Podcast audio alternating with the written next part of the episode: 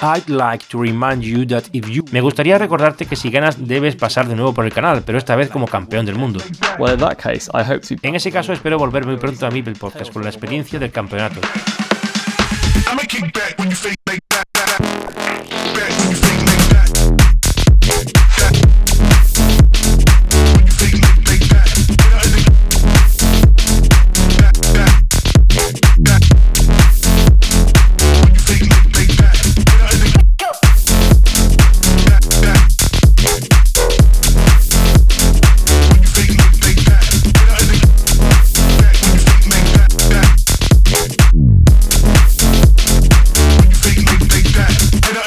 Prometido es deuda. Hoy en Mipel Podcast recibimos al recientemente proclamado campeón del mundo de Carcassonne. Damos la bienvenida a Matt Tucker y lo hacemos con el mismo tema musical con el que nos despedimos de él en su anterior aparición en el canal. Hola Matt. Una promesa es una promesa. Hola Joaquín.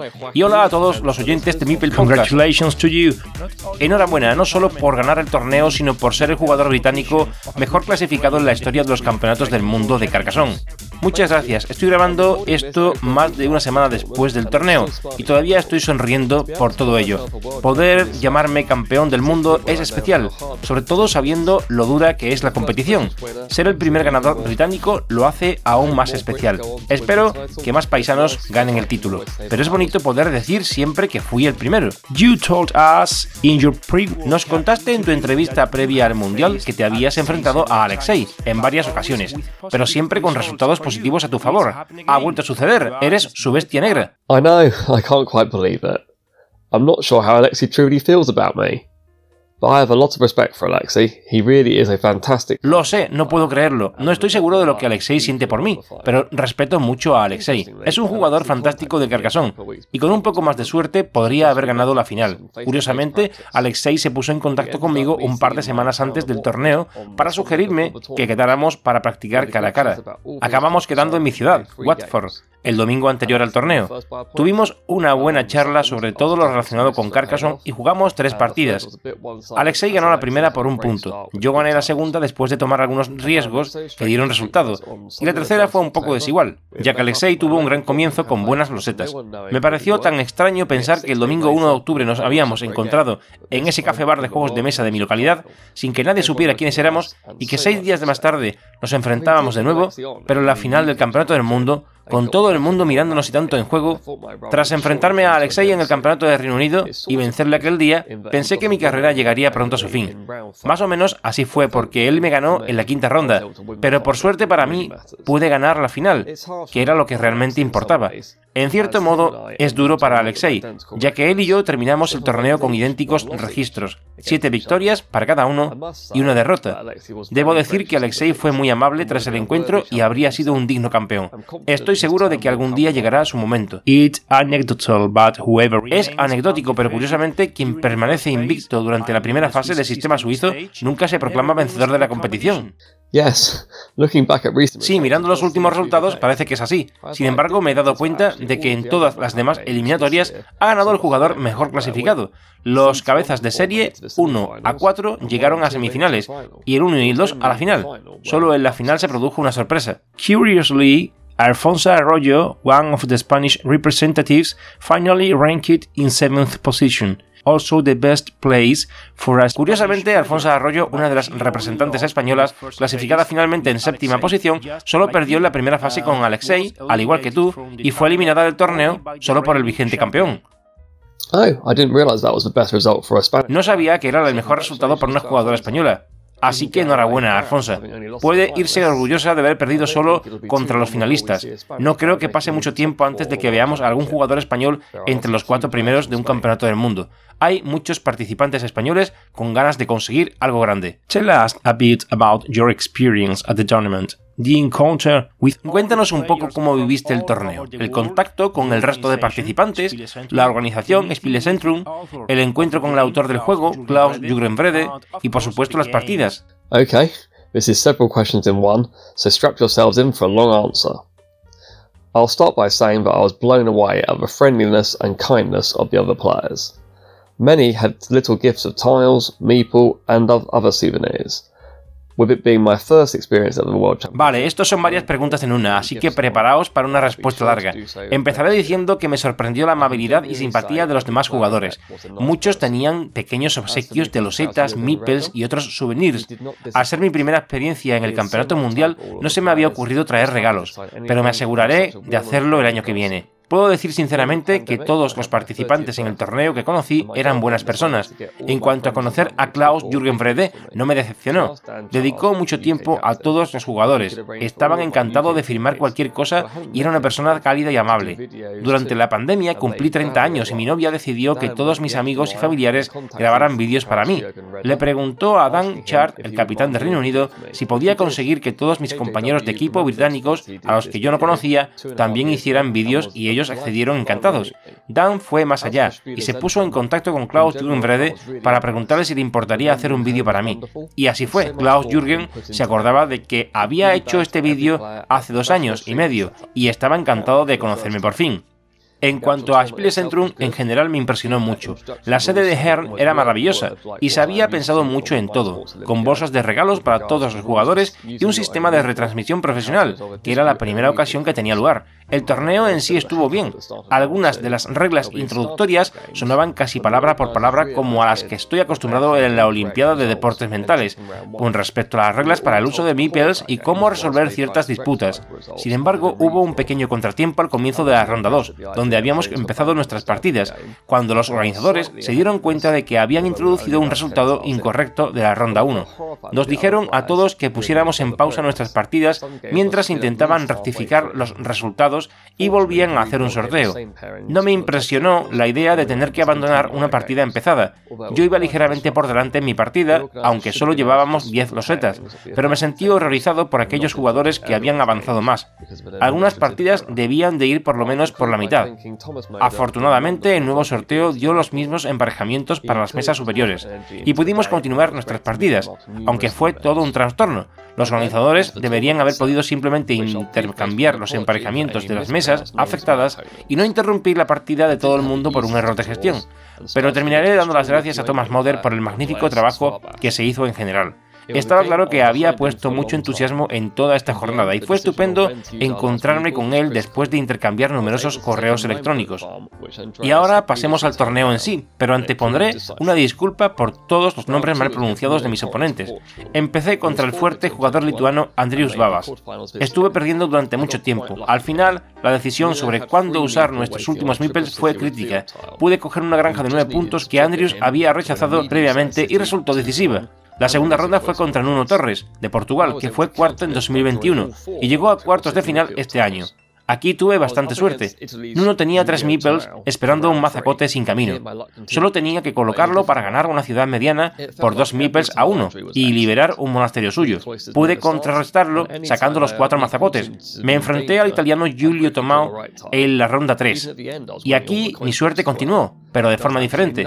Tenía la sensación de que cada loseta que sacaba era excelente tres monasterios casi al principio, y cada vez que un Mipel parecía estar en peligro, sacaba rápidamente la loseta adecuada. Incluso al final estaba ganando todos los flips que tenía por delante. Julio no pudo hacer absolutamente nada, y gané por 51 puntos. Julio tuvo el mérito de mostrarse muy deportivo. Yo me habría sentido muy frustrado en su situación. En la cuarta ronda me enfrenté al defensor del título, el rumano Arpad Guerra. Creo que jugué una de mis mejores partidas del torneo.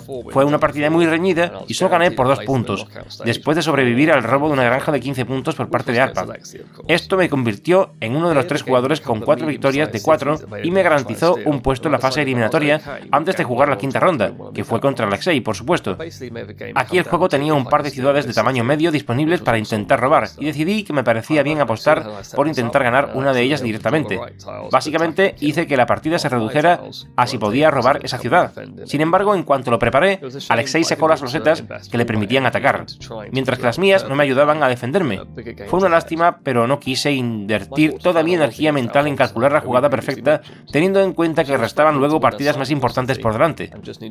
Mi partida de cuartos de final fue contra Alfonso. Ella amenazaba con ganar una ciudad considerable y solo necesitaba dos losetas para cerrarla, lo que habría sido una ventaja decisiva. Hice una buena elección en ese momento para sacar rápidamente una loseta de divorcio que me permitió neutralizar esta amenaza e intentar volver a compartir los puntos de la citada ciudad. Alfonso fue capaz de evitar que me conectara bloqueando la ciudad, y se dio una ventaja de 11 puntos en esa mini batalla. En la segunda parte de la partida conseguí dos monasterios que no acabaría completando, pero Alfonso pasó mucho tiempo intentando bloquearlos.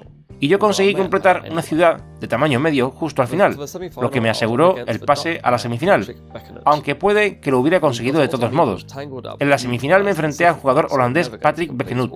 Tuvimos muchos meeples involucrados en construcciones que no eran definitivas y se compensaban unos a otros. Creo que al principio eran tres meeples cada uno y cuatro al final. Sin embargo, logré un progreso crucial al ganar la única ciudad importante que se completó a mitad de partida.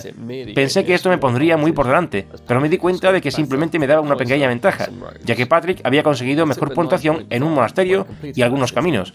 Me llevé la granja de 9 puntos al completar esa ciudad y luego opté por sembrar también en el lado opuesto. Sabía que Patrick lo haría si no lo hacía yo, pero existía el riesgo de que estas dos granjas se unieran y me encontrara con un overfarming, aunque también requeriría de cierto esfuerzo por parte de Patrick fusionar las granjas.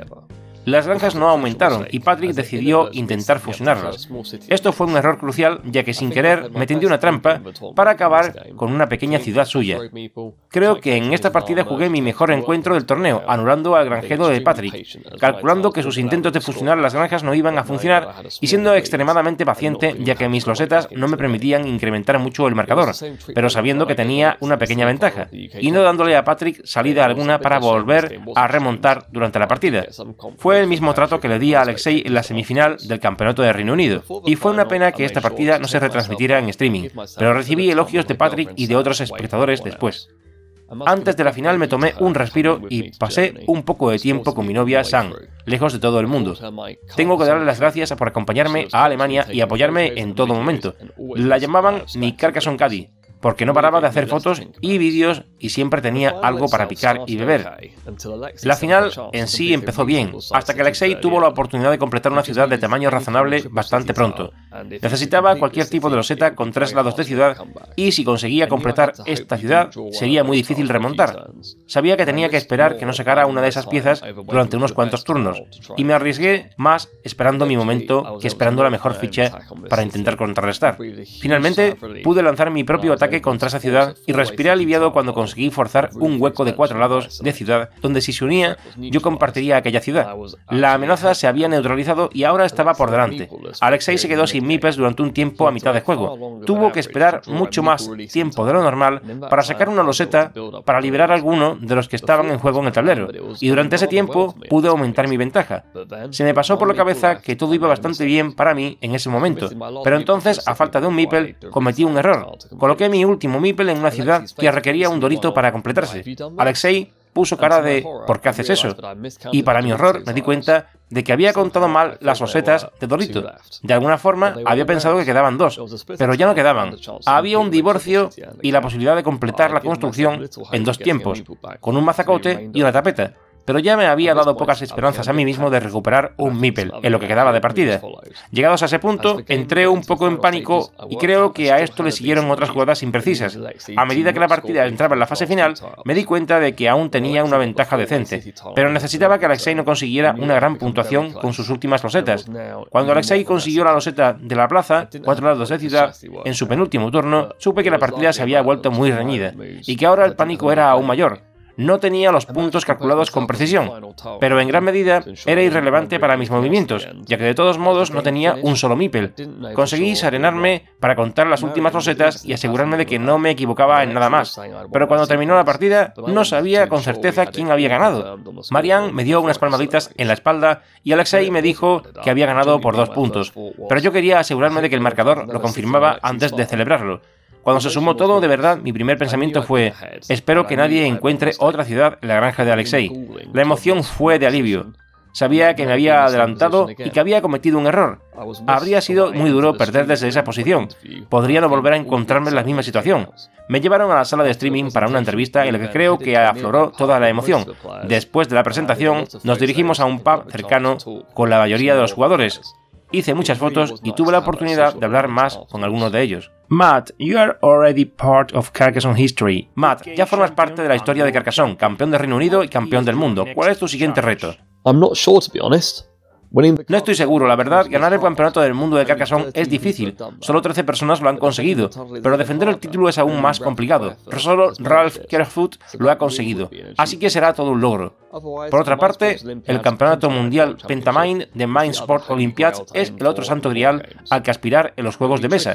Será difícil ya que voy a estar implicado en la organización en un futuro próximo, pero sin duda es posible, con un poco de suerte. Never before on Meeple Podcast we have the same guest in less than a month. Nunca antes tuvimos un mismo invitado al podcast en menos de un mes. Enhorabuena también por esto, aunque en cierto modo también era cuestión de probabilidad. Había entrevistado a 27 jugadores del total de 43 participantes en Hern. Hiciste un gran trabajo. Tengo que volver a escuchar las otras entrevistas. La mía la escuché mientras esperaba en el aeropuerto de camino a Alemania. Matt Tucker, you have made history. Thanks for coming back to the channel. I hope Matt Tucker, has hecho historia. Gracias por venir de nuevo al canal. Espero que nos conozcamos el año próximo porque tengo pensado ir a Alemania en 2024. Oh, brilliant. Ah, genial. Bueno, pues definitivamente estaré allí en 2024, así que sería genial conocerte. Un abrazo carcasonero a toda la audiencia. Nos vemos en el próximo episodio.